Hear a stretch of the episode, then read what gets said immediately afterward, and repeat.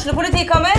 Ine Jansen er purk. Er du purk? The motherfucking bitch. Alt jeg vil, er å finne ut hva som skjedde med mannen min. Jon Carew. Er jeg sikta for noe? Iben Akeli. Det er du. Ole So, Lars Berrum og Big Daddy Karsten. Hvem sin side er du på, egentlig? Anette Hoff, Tone Danielsen, Kommer du fra Afrika?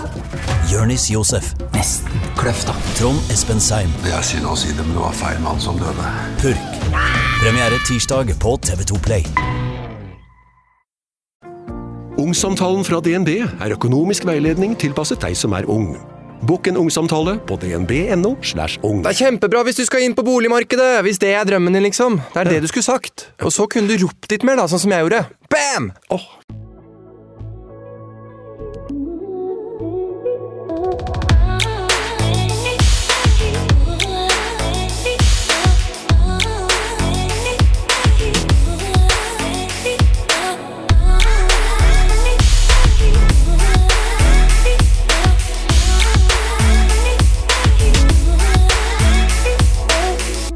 Det er ganske rart hvordan man kan sitte hjemme i sofakroken foran TV-en og skape seg en formening, en tanke og et bilde av en person som man ser på skjermen.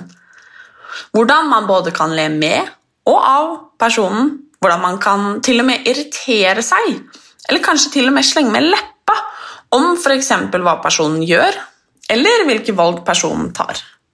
Uten å egentlig ha peiling på hvem det er, og hva historien til personen er. For når man sitter foran TV-skjermen, så ser man kanskje noen intense minutter fra et døgn i en reality-serie.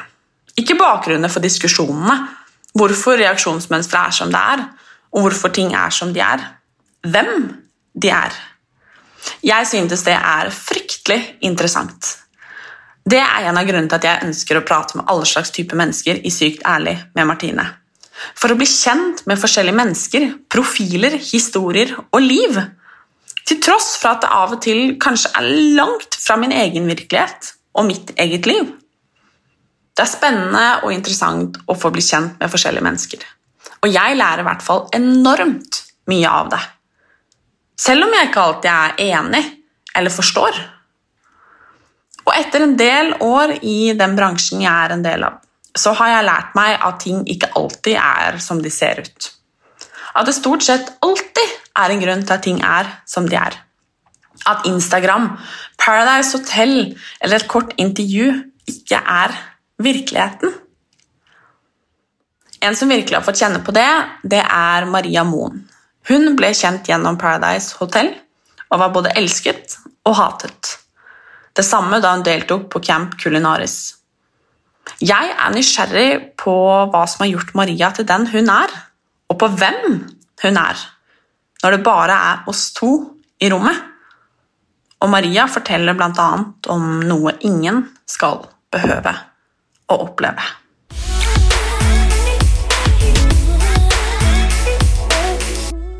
Hei og velkommen til sommerprat, Maria!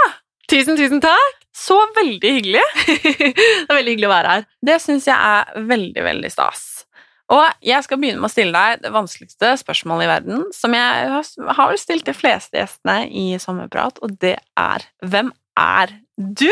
Oh, ja, jeg er heldigvis blitt veldig vant til å svare på det spørsmålet nå, men jeg er jo en eh, livlig dame med altså, mange baller i luften, mest eh, kjent eh, for dere som hører på, fra reality, Paradise Hotel og Camp Culinaris.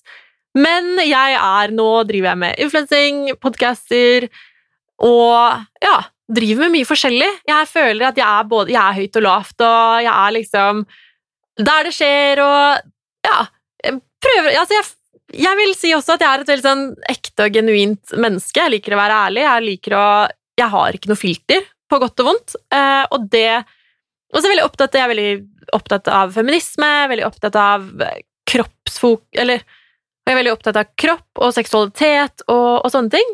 Eh, og veldig, veldig opptatt av liksom at man skal ha Empowerment, føle seg bra, føle seg veldig den man er, og sånne ting. Kult, syns jeg. Jo, så har jeg sanger òg. Det har jeg ikke drevet med på en stund pga. korona, men eh, Du synger òg? Ja, det gjør jeg. Ok, Det er kanskje veldig flaut å si sånn mm, Kan ikke du synge? Ja, nei, det kommer jeg ikke til å gjøre. Jeg har gjort det så mange ganger, og folk er bare sånn Oh my god, Maria, slutt å synge. Det er ikke det du er kjent for. Nei, jeg vet jeg er kjent for å ha sex på TV, men det er greit. Jeg kan fortsatt synge, selv om jeg har gjort det. Ok, men da tar vi sex på TV først. Altså, Først og fremst Du er 28? Jeg er 28. Ja. Eh, hvorfor ville du bli med på Paradise Hotel? Du, altså herregud, jeg fikk muligheten desember 2019, og jeg tenkte, altså på dette tidspunktet hadde jeg blitt litt kjent med andre reality-folk som har på en måte fått ekstremt mye kule muligheter, og fått en mulighet for å skape seg en plattform der de kan snakke om det de ønsker å snakke om, eh, som har vært en døråpner for veldig mange, og så kjente jeg meg litt igjen i det ønsket om å få meg en plattform, da. Og for jeg følte at jeg hadde noe på hjertet, jeg hadde lyst til å kose meg litt i Mexico, og, men det var jo Jeg har aldri vært en reality-person. Eller jeg har aldri sett på reality før jeg ble med sjæl. Jeg har aldri liksom vært noe opptatt av reality-mennesker, sånn annet enn de jeg personlig kjenner. Eh, og det der, hele det der med Instagram og influensing og sånn var så fjernt for meg. Altså, jeg er jo egentlig Jeg, jeg pleier å si jeg er en eh, emo-nerd i Barbie-klær, så jeg ser kanskje ut som en eh, sånn der pen dame på Instagram eller et eller annet, men egentlig så er jeg supernerd, har så mye rare interesser og brenner for veldig mye forskjellig. Så for meg var det å være med på TV en mulighet til å skaffe meg en plattform som gjorde at jeg kunne komme litt nærmere drømmene mine. Og da lurer jeg på, hva er drømmene dine? Ah, drømmene mine? Ah, jeg vet ikke, ah, eller ja, jeg kan ikke si 'vet ikke' på det nå, da, nå som jeg, nå som jeg peppa det så Men jeg også kan synes det er hos folk spør sånn 'Å ja, hvor er du om ti år?' Jeg kan synes det er litt sånn skummelt å svare. For da har man på en måte Da har man sagt det, da. Mm -hmm. Og så blir det bare sånn 'Å, nei, men Altså, så redd for å ikke få det til. Eller ja. det kan jo være at man ikke har lyst til å få det til lenger heller. Altså, altså Jeg er en veldig spontan person, så jeg er litt sånn derre Livet blir til mens man går, og det, jeg er veldig motstander av at man skal bestemme seg nødvendigvis når man er 19 Jeg er ikke motstander, da, men det er veldig sånn Det er veldig mange som forventer at man skal ha en idé om hvem man skal være om ti år, da, når man er ung, eller når man er 28, eller hva enn. Eh, men man trenger ikke det. Man trenger ikke å ha en livsplan, for da blir man så bundet. Og ja, tanta mi sa om meg her om dagen at uh, uansett hva Maria finner på, så lander hun alltid på beina, altså. Uh, og det, det, føler jeg er min sånn generelle approach til livet. Jeg bare jeg har, lyst til å, å gjøre så mye forskjellig. Nå skal jeg studere journalistikk til høsten. Jeg liker det der med medieproduksjon og innholdsproduksjon, det er jo det jeg driver med nå, så det tror jeg blir veldig gøy. Eh, endelig falle og stå i en utdannelse for første gang. jeg har jo starta på mye forskjellig og hoppa, for det er så mye jeg har lyst til, og så føler jeg at det har vært så mye som har begrensa meg, og rent tilbake til hva jeg har lyst til å gjøre, hva som er drømmene mine i livet, er jo egentlig det å måte, få lov til å fortsette å ha en stemme. Eh, og ja, videreformidle gode verdier, og jeg har jo lyst til å dreve og synge litt og Men jeg, jeg har i hvert fall ikke lyst til at livet skal være kjedelig. Så det er altså Målet mitt er egentlig at jeg skal ha et rikt liv der jeg får brukt meg selv på alle de kvalitetene jeg har, og alt det jeg kan bidra med, alt det jeg er god på. Og det er den eneste planen jeg har satt meg, da. Egentlig. Det syns jeg var veldig kult. Men hva er liksom du sier jo det at du altså, vil ha en stemme. Mm. Altså, er liksom, Har du en sånn hjertesak? Altså, jeg er jo veldig opptatt av det med feminisme, selvfølgelig. Eh, og det å normalisere flere ulike typer kvinner, at vi skal akseptere oss selv som det vi er, at vi skal respektere hverandre, at vi ikke skal se på hverandre som seksuelle objekter, men også at vi kan få lov til å være så seksuelle vi bare vil, uten at det skal sette oss i en negativ bås. da. Fordi for eksempel antall sexpartnere har ikke noe å si på din verdi som menneske. Hvordan du ser ut har ikke noe å si på din verdi som et menneske. Og det er litt det der jeg har lyst til at vi skal være litt mer åpent og aksepterende samfunn. Så om jeg får til det på en eller annen måte, da hadde jeg blitt veldig fornøyd. Det er jo jævlig svært mål, da. Men eh, ja. Men jeg tenker jo at uh, du er jo på god vei. Å, takk! Jeg prøver. Ja. Men hvorfor er på en måte kropp og seksualitet og altså seksuell frihet, om man kan si det, mm. hvorfor er det så viktig for deg? Hvordan, har du alltid vært opptatt av det? Uh, jeg har jo alltid Altså, herregud, hva skal man si? Det er, en, det er et langt svar på det her òg. Um, jeg har vokst opp et sted der altså, jeg ble kalt hore før jeg hadde debutert seksuelt, og altså, jeg har fått høre at altså jeg, var på, jeg skulle på audition til revy på skolen, og så fikk jeg høre at noen hadde sagt til de instruktørene bare ah, 'Gleder dere til Maria Moen kommer, hun er så jævlig deilig'. Og da var jeg sånn, da hadde jeg ikke lyst til å gå på audition, fordi det er bare sånn, jeg er på audition for revyen fordi jeg skal være morsom, ikke fordi jeg ser sånn eller sånn ut. Og det å på en måte bli dømt basert på hvordan du ser ut, da. Selv om, man, selv om jeg er veldig fornøyd med den jeg ser ut, men det skaper av og til et, et veldig sånn det objekt, altså man Ah, vi kvinner, hvis vi ser bra ut, altså vi blir objektifisert, og det har vært, det har vært en torn i sida for meg siden jeg var 11-12 år, og folk bare 'Å, du har så store lepper, herregud, du har så digg rumpe', og det er bare sånn 'Herregud, jeg var et barn! Slutt opp!' Uh, og så er det jo det at uh, vi møter utrolig mye forventninger til hva vi skal gjøre med kroppen våre, og vi kvinner spesielt. Uh, uansett hva vi gjør, så er det feil. Så jeg fant ut veldig tidlig at vet du hva, jeg får bare gjøre som jeg har lyst til, fordi folk kommer til å dømme meg uansett. Og det er jo en jævlig tøff pille å svelge. Det, den, det er en uh, lita kamel der, men samtidig så ga det meg veldig mye frihet i at uh, Vet du hva? Folk kommer til å ha meninger, og så lenge du er fornøyd med det du gjør, og fornøyd med deg selv, og ikke er slem mot noen, så gjør du ikke noe gærent. Da har det ikke noe å si om du har sex med ingen 50 eller 100 eller 1000, liksom. Det Ja. Så, så det er liksom det der å la meg selv være meg, og la andre mennesker være seg sjæl, det er veldig viktig for meg. Og ja, og det tilbake til sex, da. Jeg har jo også opplevd at min på en måte seksuelle frihet har blitt tatt vekk fra meg. Det snakker jeg litt om i en episode i min podkast Fitologi som handler om voldtektskultur. Uh, og jeg har opplevd det to ganger, at noen har på en måte tatt seg friheter overfor min kropp basert på at de hadde lyst, og ikke jeg. Uh, og derfor er det så viktig å på en måte ta tilbake og eie det, og ikke være så redd for at andre skal seksualisere deg. Fordi vet du hva, Hvis jeg har lyst til å gå på gaten og være bloddeilig og gå i sexy klær eller gå, gå i sexy klær på TV og vise puppene mine, og sånne ting, vet du hva, da skal jeg få lov til det uten at jeg skal bli redusert som menneske. Uten at skal, andre skal tro at her er det fritt fram, og nei, hun er en løs hore, og derfor så trenger vi ikke å behandle henne som et menneske. Så det der med å på en måte ta tilbake min seksualitet og tørre For det var faktisk et par år jeg ikke Jeg ville ikke gå i kjole engang. Jeg ville ikke se sexy ut. Jeg, kledde, jeg hadde sånn svart uh, leppestift og sint sminke, for jeg ville at liksom Ville ikke at folk skulle se at jeg var tilgjengelig, da. Og, og, derfor har det å på en måte ta igjen min seksualitet og på en måte også spille en del på det, i og med at jeg har vært på Paradise Hotel og herregud, pulte masse på TV og sånne ting, men det å på en måte kunne være så fri og ta tilbake den makten selv og, og eierskapet til min egen kropp, og kunne forvalte den sånn som jeg syns er best. Og da sier jeg ikke at alle skal ligge på TV, og sånne ting, da, men jeg syns det var helt ok, fordi jeg har et veldig avslappa forhold til meg og min kropp og min seksualitet nå. Men jeg har ikke alltid hatt det, så for meg så var det en veldig stor seier da, at jeg kunne få lov til å spille litt på den seksualiteten og, og spille litt på å være en digg dame uten at jeg skulle føle at jeg som menneske ble truet av det. Mm. Så det er en lang og komplisert historie, men det er ekstremt mange grunner som ligger bak den jeg er i dag, da. Men eh, du hadde jo, som du sa, sex på TV. Mm.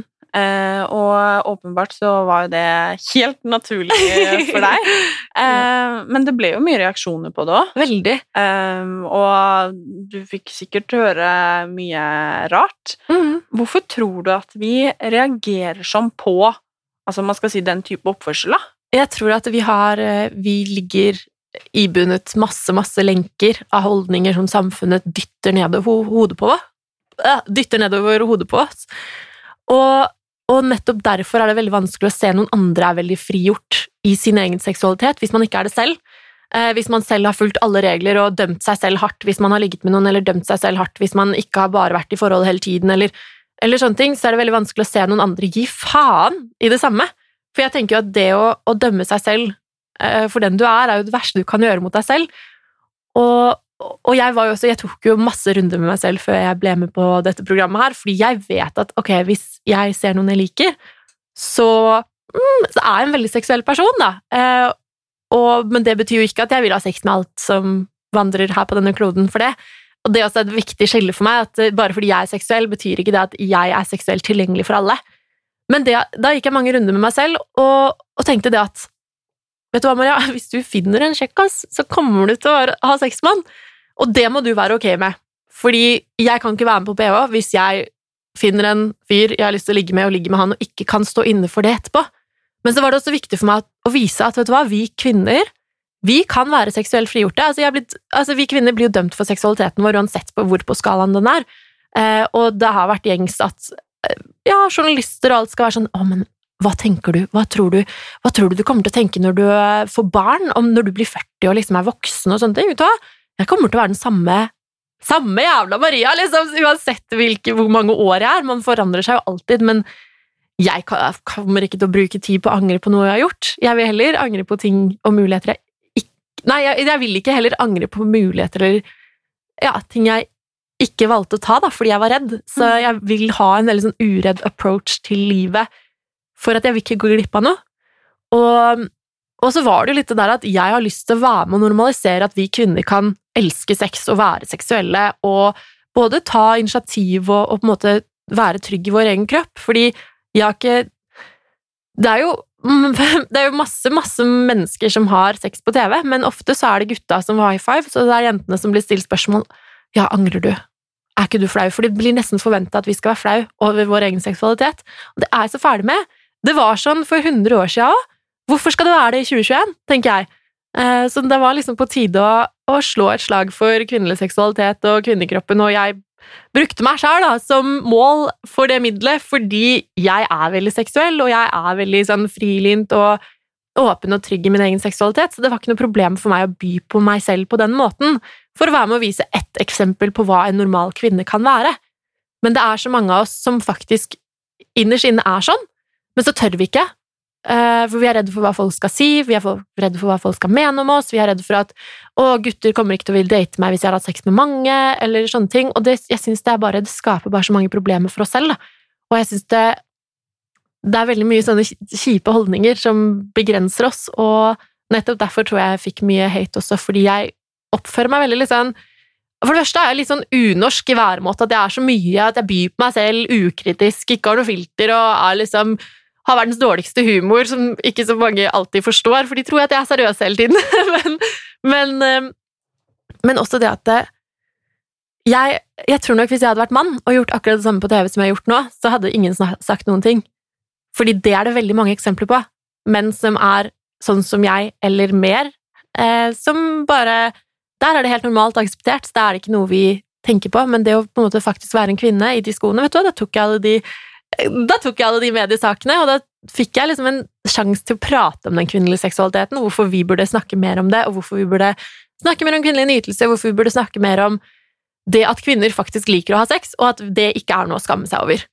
Fordi det er altfor mye skam der ute, spesielt knyttet til det. Fordi det er jo ikke noe hemmelighet at menn ofte får high fives og mm. tommel opp og bra jobba, liksom. Ja. Eh, og dette er ikke bare om man har sex på TV, for de færreste har jo det i løpet av livet. Nemlig. Men om det er i skolegården eller i mm. vennegjengen eller på jobben eller så, overalt. Mens, eh, som du sier, ofte så får jo damene, spesielt hvis de ligger med mange, mm. eh, liksom stempler som løs, hore, sløtt, altså alle disse her. Mm. Har du fått slengt det etter deg etter at du hadde sex på TV? Vet du hva, det sykeste er at eh, jeg tror fordi jeg sto så i det, og eide det så hardt som jeg gjorde, fordi det er meg, liksom.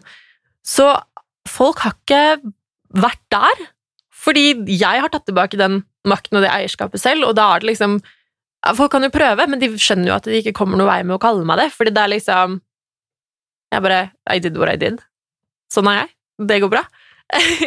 men, eh, men, det der med å, at gutta får mye ros og, og sånne ting det er også en ting jeg eh, tenker mye på, som jeg har eh, tenkt ekstra mye på det siste, og det er det der at uh, veldig mange liksom går rundt og skryter av hvem de har sex med og sånne ting. For gutta så er det sånn 'Å, fy faen, jeg lå med hun der, og hun var så jævlig deilig', og sånn. Han får jo high fives av kompisgjengen, men den samme, eller av vennegjengen, da, den samme gjengen kan kanskje tenke 'Å, herregud, hun der, hadde hun sex? Å, fy fader'.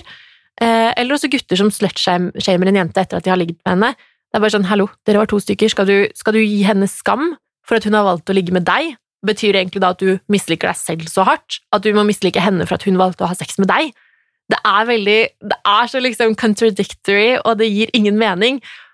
Men også når, når eh, gutta Eller når folk går rundt og skryter av de man har sex med, veldig mange forstår ikke det at når du som fyr, da, der det er veldig mye mer akseptert å være seksuell og fri og åpen og sånn, eh, så er det ikke nødvendigvis det for oss kvinnene. Og da vil jo du på en måte redusere oss til seksuelle objekter hvis du går rundt og sier at ah, 'fy faen, jeg lå med Maria, fy faen, hun var så jævlig deilig', vet du hva? Da slutter jeg å være menneske i din fortelling, fordi de vil kanskje ha 'ah, fy faen, yes, hun var digg, ass', og, men samtidig vil de tenke at oh, ok, hun kan man ha sex med, for hun har tydeligvis sex med hvem som helst'. Og jeg synes bare det, er en, det er bare det jeg vil si, at jeg syns det er en uting å gå rundt og skryte av hvem man har ligget med. For det, det er privat, altså! Selv om jeg har pult på TV, og alt sånt der, så er liksom det private skal være privat, og det som skjer mellom to mennesker på soverommet, det behøver man ikke å dele. Og behøver man ikke å snakke om heller, fordi det sender liksom kjipe signaler, kan gjøre. Mm. Du nevnte det jo litt, for at uh, veldig ofte hvis man begynner å date noen, Mm. eller man kanskje har akkurat kommet inn i et forhold, så er det jo veldig mange som lurer på ok, hvor mange har egentlig denne partneren eller denne daten vært med? Hvor mange har Mm. denne personen ligget med? Eh, kanskje man til og med skammer seg over hvor mange man Mange eller få, for den saks skyld. Man ja, man skammer seg uansett om man har hatt sex eller ikke, Mm, eller man- hvor mye man har. At man tenker at det er feil på en eller annen måte. Mm. Eh, hva tenker du om det? Jeg syns det er veldig kjipt. Eh, For det første så tenker jeg at fortid er fortid, og hvis den personen har valgt å være med deg nå, så skal ikke fortiden ha noe å si, fordi antall sexpartnere, antall kjærester, ingen kjærester, ingen sexpartnere, vet du hva, det har ingenting å si for deg og din verdi som menneske. Eh, og det er, kan være mange grunner til at man ikke har hatt kjærester, eller det kan være mange grunner til man, til at man har hatt sex med mange også, men det har nødvendigvis ikke noe å si for hvem du er som person, da. Da er det ekstremt mange andre sett med personlige egenskaper man kan sette røde flagg på, hvis det er det man tenker på, eh, som ikke handler om dette. Det burde aldri være Altså, sexpartnere, mange eller få, det burde aldri være noe som kommer i veien. Og så er det jo mange som kanskje kan føle seg truet, da, hvis en partner har hatt sex med mange flere enn du har, eller omvendt. Eh, at man er redd for at den skal føle seg truet. Men jeg tenker bare, vet du hva, la, gjør deg selv en tjeneste og ikke tenk på det der. Fordi, igjen, det er, det er deg han eller hun har valgt å være med akkurat nå. For den du er, ikke for hvem du har ligget med før. Herregud, who the fuck gives? Fordi at eh, veldig ofte så tror jeg at man tenker, og det har jeg snakka med mange om, og det Mm. sånn har jeg tenkt før selv også, Mm. at man tenker at ok, men eh, denne fyren her for eksempel, eller denne dama, har vært med denne typen, Mm. ikke sant? Eh, For eksempel, hun ser sånn ut, hun Mm. hadde store pupper, hun hadde blondt hår, Mm. jeg er kanskje mye lavere, jeg har ikke så store pupper, jeg har brunt hår, altså hvis du skjønner hva jeg Mm. mener, man tenker veldig sånn, herregud, hun er så pen. Ja. Uh, jeg strekker på en måte ikke til. Hvorfor at man driver og sammenligner seg Mm. med tidligere partner, da, Mm. uh, eller partnere, uh, til den man har lyst til å være sammen med. Ja, altså jeg tenker jo for det første at vi må slutte å sammenligne oss, og det her går jo veldig på det der utrolig usunne utseendefokuset vi har på både, på både oss selv og andre. Og så er det, jeg pleier alltid å si at ok, looks make you look, but personality make you stay. Så det er jo, hvis jeg for eksempel velger å gå inn i et forhold med noen, så er det fordi jeg finner personen interessant. For, altså selvfølgelig, utseendet, det er bare en innpakning, og selvfølgelig vil man jo være sammen med noen man er tiltrukket av, men det er jo faktisk, for min del i hvert fall, det er at man har det, det settet med personlige egenskaper som jeg beundrer, da, som gjør at jeg har lyst til å være sammen med den personen. Og det må man tenke med seg selv òg. Og hvis en fyr er med deg bare fordi du ser sånn og sånn ut, vet du hva, da er han ikke noe å samle på. For det er ikke det vi skal gå etter. Man må jo gå etter noen man matcher med, noen man kommer overens med, noen man prater godt med og sånne ting. Og det Du kan ikke prate godt med et par øyenbryn, liksom. Det høres sykt banalt ut, men altså, det er ikke det er ikke puppene du har gode samtaler med, det er, det er mennesket som er bak. Det er helt sant. Men jeg tenkte, du nevnte det jo, nevnte det jo kort, at eh, det var to eh, tilfeller, holdt jeg på å si, Mm. eh, med seksuelle overgrep. Ja. Kan du fortelle kort om det? Ja, eh, første gangen så var jeg 19 år. Eh, det var en god kompis av meg som jeg stolte på. Eh, mm, og litt sånn, Fem år etterpå så var det vanskelig for meg å stole på guttevenner, fordi jeg har alltid, og jeg har fortsatt det, en liten sånn tanke bak i hodet. Er de venn med meg fordi de egentlig ønsker å komme i buksene mine, eller er de venn fordi de er genuint vennlige, gode mennesker? Eh, så det var jo et kjempeproblem for meg i ettertid. Nei, og så Men var det en voldtekt? det var det, og jeg skjønte ikke det før et år etterpå. Men jeg visste det jo, kjente det jo hele kroppen min at det var det det var. Men jeg orka ikke å akseptere det. Jeg synes det var eh, Vi bodde på samme internatskole, og han bodde i samme gang som meg, og jeg måtte jo se han flere ganger om dagen. Eh, og jeg bare fortrengte, fortrengte, fortrengte, men jeg holdt på å kaste opp hver gang jeg så ansiktet hans. Han kom inn et par dager senere, for jeg, jeg, jeg sa det jo til han, jeg er også sånn som bare Ja, jeg druser på med det jeg sier og mener og tenker, og fordi jeg er veldig opptatt av at hvis ikke jeg er åpen og ærlig, hvordan skal folk hvordan skal folk tilnærme seg meg da, hvis ikke jeg sier de jeg faktisk tenker og føler på? Men jeg var veldig ung, og jeg sa vet du hva, jeg føler meg voldtatt. Og da ble han forferda, men på dette tidspunktet var vi jo Fordi kroppen jobber jo saktere, eller hodet jobber saktere enn kroppen, eller hva man skal si. På det tidspunktet så, så jeg han fortsatt som en venn, og han hadde forvoldet den tilliten til meg både når det kommer til eh, rett og slett å ta ta utnytte sex Nei, ja, utnytte meg seksuelt, men også det at han utnyttet tilliten jeg hadde til han som venn, for å få det her til å skje. Eh, og, og, da ble jo jeg fikk jo dårlig samvittighet for at jeg sa det, fordi han ble så redd, da. Men han visste jo hele tiden hva han hadde gjort. Han visste han hadde et mål den kvelden, og jeg hadde jo til og med sagt til han tidligere på kvelden at jeg skal ikke ha sex med noen, og så endte jeg på med å ha sex med noen jeg var veldig forelska i, da. Eh, men, og så endte jeg også med å bli veldig, veldig, veldig full. Eh, men det er ikke sånn at det, det å være Altså, det å være så full at man ikke engang vet hva man heter, er heller ikke en invitasjon til at noen skal ha sex med deg, altså. Og, og vi, vi, kvinner må få lov til å drikke en drink for mye og, og liksom ja, i gåsehudene drite oss ut, eh, også uten at det skal gjøres som et potensielt offer for overgrep. Eh, så nei, han utnytta det at jeg var altfor full, at jeg stola på han og hadde tillit til han. Eh, og jeg skjønte jo det etterpå at jeg skulle aldri tatt tilbake at jeg sa at jeg følte meg voldtatt, men han kom jo inn på rommet mitt et par dager seinere og sa at nei, du skjønner at uh, kjæresten min var utro. Sa han det? Ja, uh, så jeg måtte ta igjen. så jeg måtte bare. Og da skjønte jeg at fordi voldtekt handler ikke nødvendigvis om seksuell nytelse, det handler om makt over et annet menneske. 100%. Så, ja, så han trengte å utøve den makten over meg, tydeligvis. da. Og da innså jeg i det øyeblikket også at det jeg sa til han, det stemte. Han har utnytta meg, og han har gjort det. Så hadde veldig Altså sånn, det er veldig vanskelig å, å deale med sånne store emosjonelle traumer på en gang, så det har jo tatt meg mange år. Det tok meg fem år før jeg turte å stole på en gutt. Altså, det her er jo en av grunnene til at jeg har vært kjempesingel, eh, fordi jeg har ikke turt å slippe noen nært meg, da.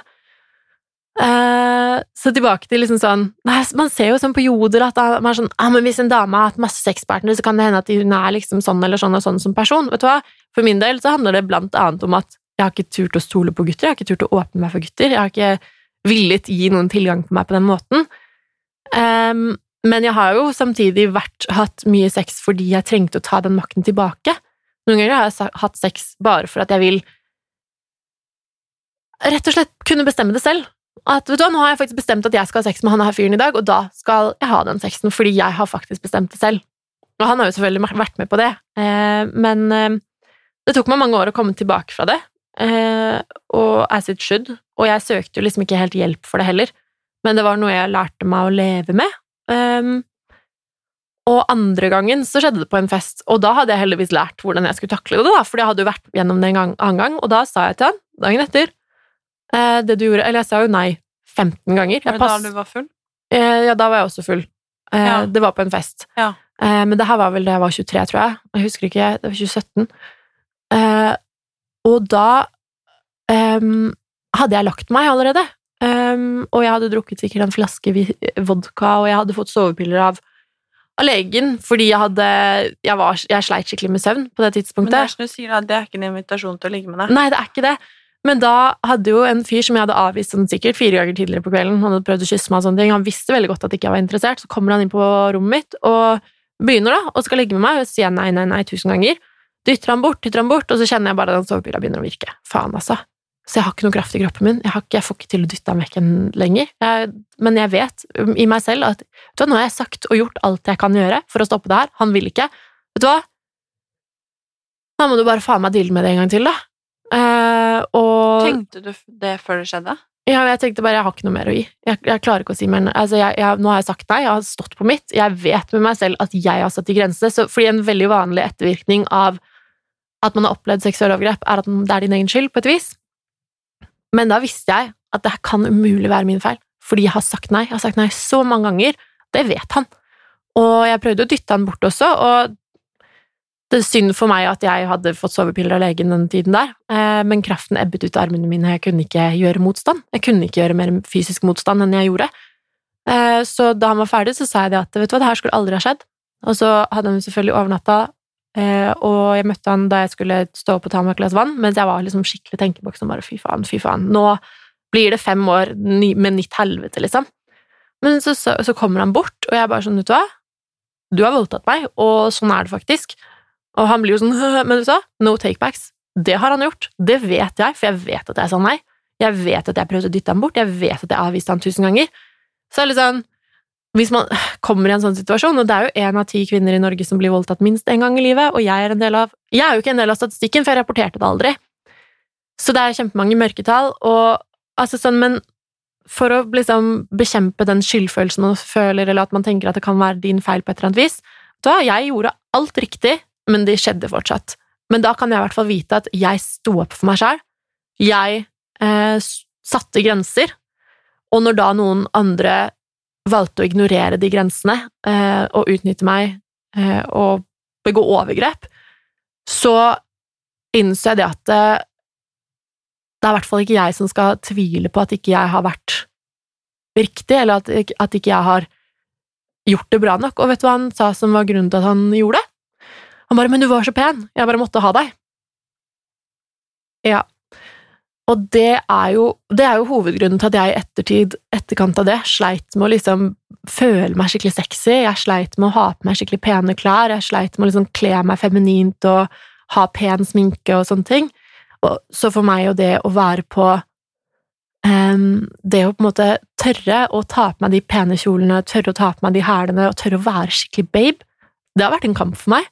Og det høres veldig bakvendt ut, men jeg hadde ikke lyst til at noen skulle seksualisere meg basert på hvordan jeg så ut, og da gjøre meg til et potensielt offer for noe så jævlig enda en gang. Uh, og det er derfor det har vært så viktig for meg. Altså, det er derfor jeg på en måte Det er viktig for meg på et vis å på en måte tørre å føle meg sexy og kunne på en måte spille litt på det uten at jeg skal være redd for å være et offer. Fordi det skal du ikke være. Du skal få kle deg akkurat som du vil. Klær er ikke en invitasjon. Uh, beruset tilstand er ikke en invitasjon. At man kanskje har sagt ja tidligere på kvelden, og så ombestemmer seg, det er heller ikke en invitasjon. Spesielt er det ikke en invitasjon når man aldri har sagt at man er interessert på den måten noensinne. Eh, for det er ikke fritt fram, og jeg er veldig opptatt av at det burde være samtykkelov i Norge, og det er masse politikk og bla, bla, men vi har faktisk en lovgivning i Norge i dag som tilsier at det er nok å si nei, og så er det voldtekt. Men sex uten samtykke er jo voldtekt, og alle de som har opplevd det, vet jo det. Fordi det kjennes på kroppen, og det kjennes på kroppen i mange, mange år etterpå. Og noen ganger så blir man ikke alltid ferdig med det. Jeg selv har jo opplevd noe i det siste som har vekket opp disse traumene her igjen, som har gjort at jeg har hatt veldig, veldig vanskelig Til tross for at jeg er kjent for å være hun seksuelt trygge, seksuelt frigjorte dama, så har jeg hatt så vanskelig for å slippe noen eh, Altså gi noen tilgang på kroppen min, da, for jeg har slitt veldig mye med den der tillitsgreia, og at de vil meg vel, og, og sånne ting, nå den siste tiden. Så nå må jeg drive og bygge meg opp igjen for hundrede gang fordi noe ble gjort mot meg for mange, mange år siden. Det tar tid, altså, og det er viktig å respektere hverandres grenser, og også viktig å øve deg på å sette dine egne, og tørre å si nei, ikke være med på det bare fordi du føler at du må, men faktisk si nei og gå, altså. Eh, hvis ikke du kommer deg noe sted, så oppsøk noen, eller ja, det er i hvert fall viktig. Vi må, vi må, være flinke til å respektere hverandres grenser, og vi må være flinke til å sette de selv også, for jeg tror det for oss kvinner kanskje aller mest er veldig vanskelig. Um, ja, men det har jo vært en Det er en bitter lærdom, da, men det har jo formet veldig mye av hvordan, hvorfor jeg er så utrolig opptatt av feminisme, hvorfor jeg er så utrolig opptatt av å snakke om rape culture, og hvorfor jeg er så opptatt av denne statistikken her, som er ufordragelig um, og forferdelig. Men det er fordi jeg vet at det skjer. Jeg kjenner knapt en eneste kvinne, og flere menn også, som har opplevd seksuelle overtramp på et eller annet sted på skalaen i sitt liv. Det er lever rundt oss i beste velgående. Det skal ikke være sånn. Vi skal respektere hverandre, vi skal se på hverandre som mennesker. Vi skal ikke også Spesielt i det seksualiserte samfunnet vi lever i, der folk ofte blir redusert til utseendet sitt eller et seksuelt objekt du kan oppnå, da glemmer man å se at det er mennesker som sitter bak der på den andre siden, som har tanker og følelser, og som kan bli påvirket av det her, ja, på en negativ måte, da. Og ja, det er det er mye, verden har mye feil, og selv i Norge, nei, ja, selv i Norge, verdens tilsynelatende beste land, så skjer jo dette her Mm. overalt. Men hvorfor tror du at For at jeg syns jo at det er interessant dette her med denne statistikken. At Mm. av ti som man vet om, eh, oppgir å ha blitt voldtatt. Mm. Ehm, men vi aner jo ikke hvor mange som voldtar. Nei. Men hvorfor tror du at det er så mange som tar seg retten? Fordi det er litt sånn som du sier, disse to tilfellene du har Mm. opplevd, det eh, Nå er ikke jeg noe ekspert, men vi, vi, jeg tror jo vi tenker på voldtekt eh, og bli overfalt på gata. Ja, men det gjør man jo. en busk, ikke sant? Ja, Eh, men det er jo ikke det som er det aller vanligste. nei. Det vanligste er jo faktisk å bli misbrukt av en man kjenner og Ja. vet hvem er. En man allerede har en relasjon til, mm. eh, og, eller om det er til og med partneren din. Sånne ting. Eh, det, er, det er det som er det vanligste. Jeg syns det er veldig mye mangel på informasjon. Det er veldig mye mangel på, på en måte, forebyggende arbeid fra ung alder, da. Og det er så utrolig mye fokus på oss kvinner, hvordan vi skal kle oss og te oss, og hvordan vi ikke skal, være voldtektsofre. Men det er bare sånn, sånn som jeg vet på, og har kjent på min egen kropp, uansett hvor mye jeg har bestemt meg for å ikke bli voldtatt, så kan det skje. Hvis han har satt Når han satte målet på meg og ville gjøre det, så hadde ikke jeg noe jeg skulle komme med, altså. Fordi jeg, uansett hva jeg hadde gått i, uansett hva jeg hadde kledd meg, hvis han hadde bestemt seg for det, så hadde det skjedd, fordi jeg hadde ikke klart å gjøre noe annet enn jeg gjorde i den situasjonen uansett. Eh, Så vi må jo på en måte lære om grensesetting, og vi må også på en måte lære å snakke om det, og snakke mer om det, på en måte som opplyser om hvordan traumene dine Altså hvordan Hva det gjør med mennesker.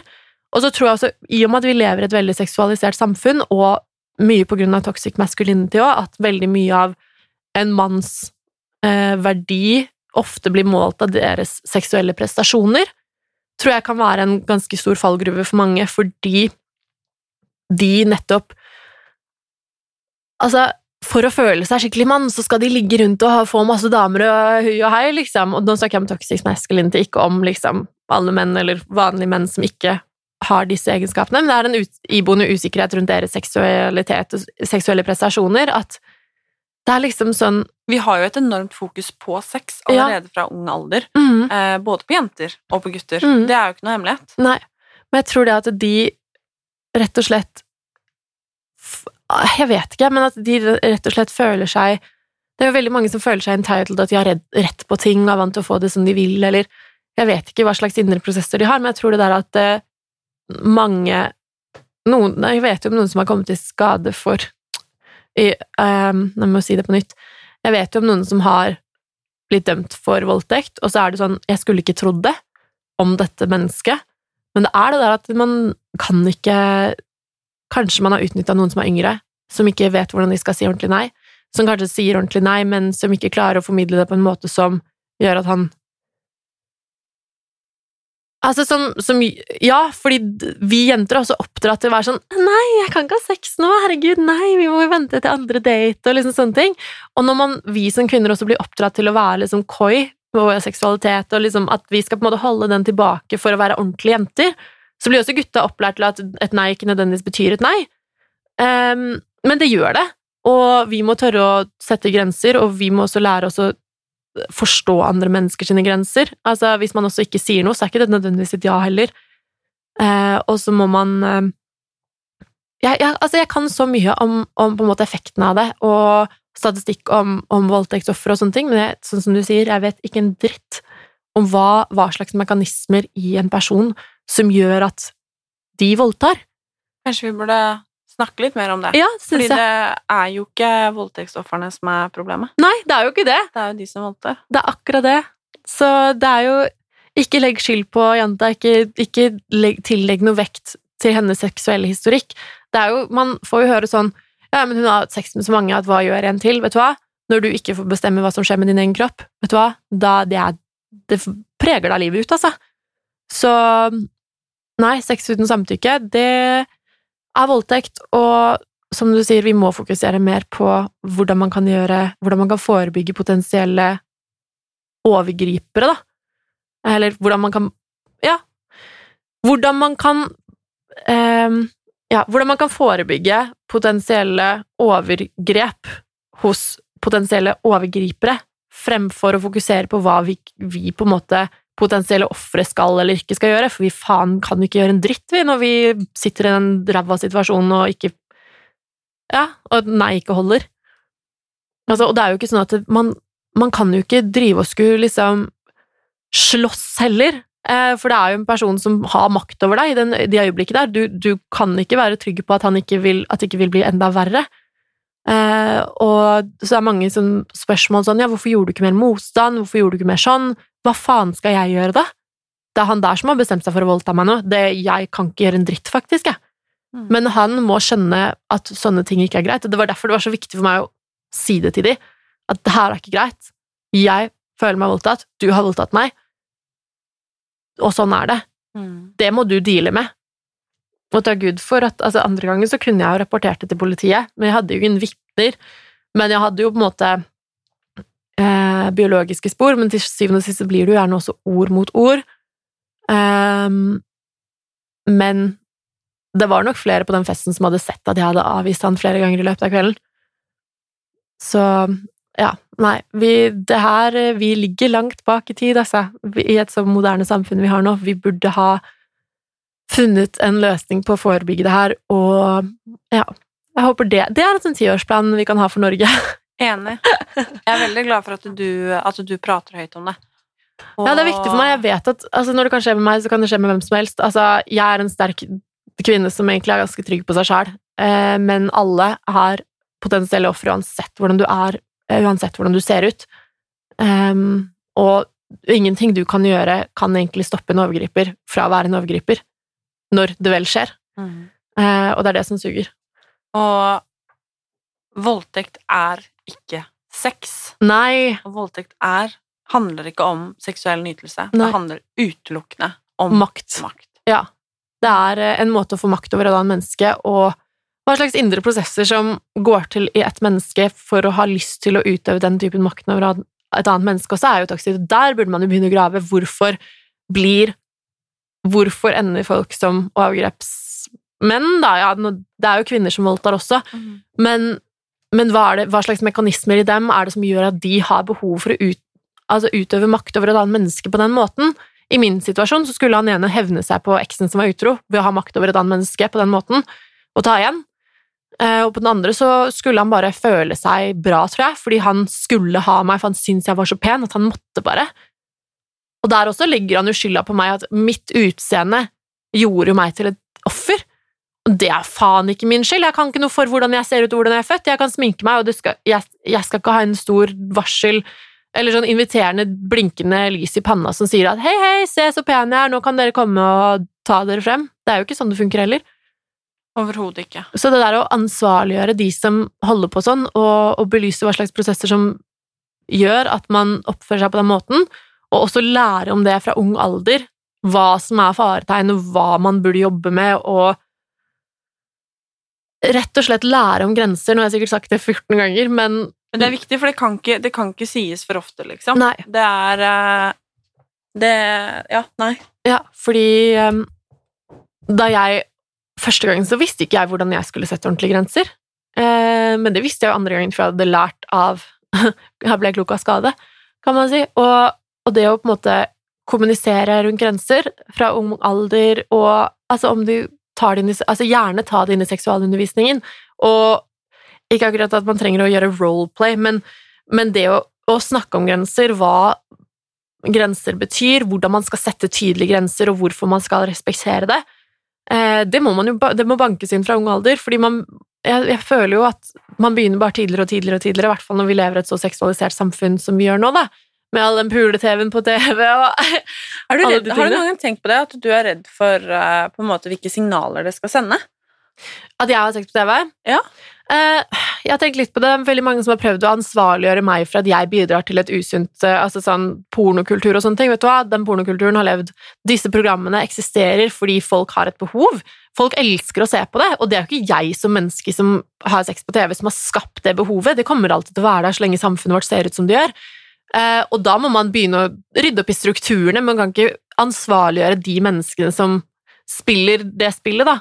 om man skal kalle det det. Og eh, om ikke jeg hadde hatt sex på TV, så er det definitivt ekstremt mange andre som har det. Og, hvis ikke man ser det på TV, så kan man Altså, det finnes jo filmer der man viser sex, og det fordi sex er så normalt for oss, da, og vi er naturlig nysgjerrig på sex også. og Det er derfor jeg også snek meg opp for å se litt Paradise Hotel. Jeg var sånn, den første andre sesongen, eh, det er det eneste jeg har sett. For jeg var sånn Å, jeg vil se at de har sex på TV. Fordi da var jeg liksom i puberteten og var jævlig nysgjerrig liksom, på å, hvordan funker det, og det var spennende og sånne ting. Og den nysgjerrigheten den kommer til å bo i oss uansett, så det vil alltid det å ha det Eh, for eksempel pule-TV er jo på en måte et kulturelt fenomen som kommer av vår iboende nysgjerrighet hva angår sex, da, og kanskje er det et symptom på at vi lærer ikke nok om sex og seksuelle relasjoner og seksuelle funksjoner når det kommer til det personlige eh, mellom, men det er at her er det kjønnsorgan, og der er det babies, og der er det livmor, og der er eggstokker, liksom, men, men vi lærer jo ikke nok om det sosiale konseptet rundt sex. Eh, så det tror jeg vi trenger, og da hadde det kanskje ikke vært så mye behov for å se folk ha seg på TV i beste sendetid, liksom, hvis folk hadde skjønt litt mer av det fra før. Fordi hva slags andre kilder er det de får, da? Det er jo kanskje porno, da, som også viser et veldig uriktig bilde av hva sex er, kan gjøre. Men det kan være Altså, jeg, har, jeg ser ikke noe særlig på porno nå, men jeg kan gjøre det av og til. Eh, men stort sett går jeg bare i minnebanken. Men, men eh, Nei. Um, og jeg ser jo ikke på porno fordi det er veldig følelsesløst. Det, ikke, det, handler ikke om den personlige connection du får til et annet menneske. Det handler om rett og slett pikk i vagina, altså, eller hva enn det er man ser på. Og det, er, det, blir veldig tomt for meg, da, men jeg er, også, er jo 28 år og skjønner jo disse tingene her. Men når man er nysgjerrig og, og er um, ung og begynner så vidt å utforske den delen av seg selv, så tror jeg man, man, man i hvert fall når ting ikke snakkes nok om, så blir man nysgjerrig, og da går man og ser på Ex on the Beach eller Paradise Hotel og ser på noen puler der, eller man går og ser på porno, og det er ikke nødvendigvis at det blir de beste eksemplene på sex heller. Nå hadde jo jeg sex med noen jeg var forelska i etter hvert, da, og, men jeg var jo også med an, seksuell med andre, fordi Men jeg vil også bare vise én bit av en slags naturlig seksualitet, da, og vise det at vi kvinner også kan ta ja, være seksuelle og ikke skamme oss over det, fordi jeg vet at vi kvinner blir pålagt veldig mye skam rundt alt som skjer med hva sex angår, mye eller lite, uansett hva vi gjør sjøl og feil. Og sånn skal det ikke være! Jeg er helt enig. Men jeg lurer, før vi runder av, mm. har du liksom noe sånn til å faktisk eie sin egen seksualitet? Ja! Shit! Wow, det, det spørsmålet har jeg ikke fått, faktisk. Men jo, det har jeg. Eh, først og fremst så bli, må man bli kjent med seg selv. Eh, bli kjent med hva du liker, bli kjent med hva du ikke liker, eh, og akseptere at du har lyster, uansett om de er små eller store, og akseptere at det er greit. Eh, og også det at du er kjent med hvor grensene dine går, som jeg snakker om grensesetting, tørre å sette de grensene overfor andre, fordi det er den makten du har selv, å sette de grensene. Og da er det mye lettere å være fri, og, og så skal man ikke skamme seg heller. Fordi samfunnet vil prøve å pålegge deg masse skam rundt hva, alt som handler om sex, men det er til syvende og sist ditt valg, og det er ikke noe noen andre har med å gjøre, annet enn deg og den personen du har sex med i øyeblikket. Da. Det er deres business, og det er ingen andre som har noe med det å gjøre. Og, og det å på en måte bare bli litt sånn Gro et lite sånn lag med teflon når det kommer til holdninger folk prøver å legge på deg, og den skammen og alt, og når man begynner å tillegge personlige egenskaper til sexpartner eller utseende eller kropp eller sånne ting, vet du hva Altså, børst det bort, for det har ingenting med deg som menneske å gjøre. Um, og, og, rett og slett tør å Hvis du blir usikker i en seksuell situasjon, tør å si fra, tør å gå, tør å fjerne deg fra den, fordi jo mer du på en måte kan styre hvilke seksuelle situasjoner du utsetter deg selv for også. Eh, samme om det er liksom en one night stand etter byen, eller om det er noen du holder på med, og du kanskje ikke har lyst til å ligge sammen helt enda. Bare det at man tør å si det, og tør å, å være sterk i, og trygg nok i seg selv. Fordi for meg så er det en act of self-love å vise og sette grenser, da. Fordi det er ingen som tjener på at du pusher dine egne grenser til et sted du ikke er komfortabel. Og på den måten, gjennom mange år, så har jeg lært å bli trygg i min seksualitet. For jeg vet at jeg kan si nei, jeg vet at jeg ikke vil gjøre noe jeg ikke har lyst til, og Og jeg har også akseptert at vet du hva, jeg er en kåt gris, liksom. og det må faen meg være lov! så lenge ikke jeg altså, det er jo, Sex er koselig, det. Så lenge ikke jeg skader noen med det, så, skal, så er alt greit, altså. Da skal jeg få lov til å ha sex med hvem og hvor mange jeg vil, for det er ikke noe som noen andre har noe med, og det er ikke noe som skader noen. Og ja, det var, eh, var en liste med tips. Mange tips. Og det tar tid å få, finne den tryggheten, men jo, også det å akseptere kroppen din og hvordan du ser ut, og ikke skamme seg over hvordan man ser ut, og sånn som Jeg tenker alltid når Hvis jeg skal ligge med noen, da, hvis jeg begynner å bruke all tiden på å tenke på hvordan jeg ser ut i senga, eller hvordan jeg ser ut i alle de der vinklene og posisjonene man driver og jobber seg gjennom i løpet av en natt, så, så får ikke jeg en god opplevelse heller. Men det å på en måte ja, vite hva du liker, og, og på en måte fokusere på den følelsen det gir deg, fordi sex er jo fantastisk når man har det med noen man liker eller er interessert i eller er glad i, eller Eller det kan være digg med noen et stand også, fordi man rett og slett bare er lever i nuet og fokuserer på de, de nytelsene og kommuniserer godt. Eh, både når det kommer til grenser, men også hva man liker. Og når man klarer å gjøre det, så tror jeg man får mye trygghet i sitt eget seksuelle vesen, fordi igjen, du vet hva du liker, du vet hva du ikke liker, du vet hvordan du sier det ene og det andre, og du, du skammer deg ikke, verken over kroppen din eller om lystene dine, for da Og hvis man klarer disse tingene her, så har man kommet veldig langt, og da kan man ha et veldig sunt og godt forhold til både sex og seg selv etter hvert. Altså, tusen takk, Maria. Vær så god. det var uh, veldig, veldig fint, og jeg er sikker på at uh, det var en del som trengte å høre akkurat det her. Ja. Jeg er veldig glad for at du hadde lyst til å komme i podkasten min. Selvsagt! Det var så koselig. Så vil jeg bare ønske deg en fin dag videre. Og til alle som lytter, og tusen takk for at du hørte på. Jeg håper at du syns at dette var like nyttig som meg. Yay!